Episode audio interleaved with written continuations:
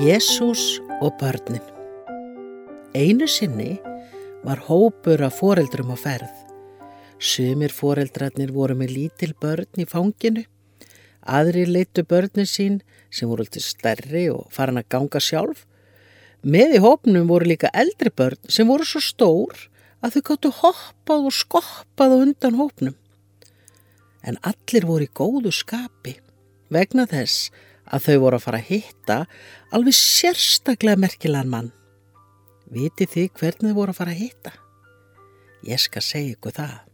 Foreldrarnir voru að fara til Jésu til að byggja hann að blessa börnin þeirra og byggja fyrir þeim.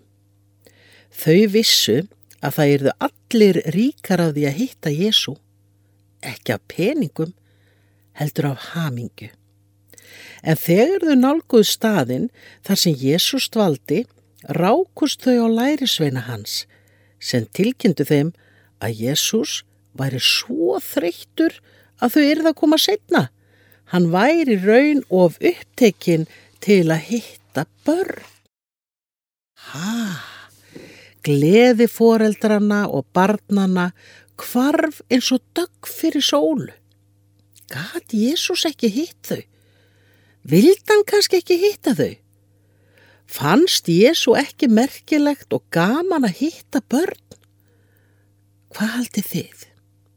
Jú, auðvita vildi Jésu hitta börnin og foreldra þeirra. Hann var reynlega reyður og sorgmættur. Hann var sár. Þegar hann frétti hvað lærinsögnarnir höfðu sagt og gert og hann sagði þeim að leifa börnunum að koma til sín eins og skot. Hann sagði leifið börnunum að koma til mín og bannið þeim ekki. Og börnir þyrtust að Jésu, strákar og stelpur, lítil og stór.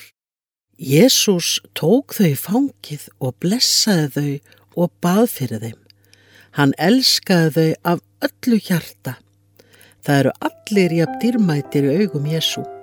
Við skiptum öll Jésu miklu máli.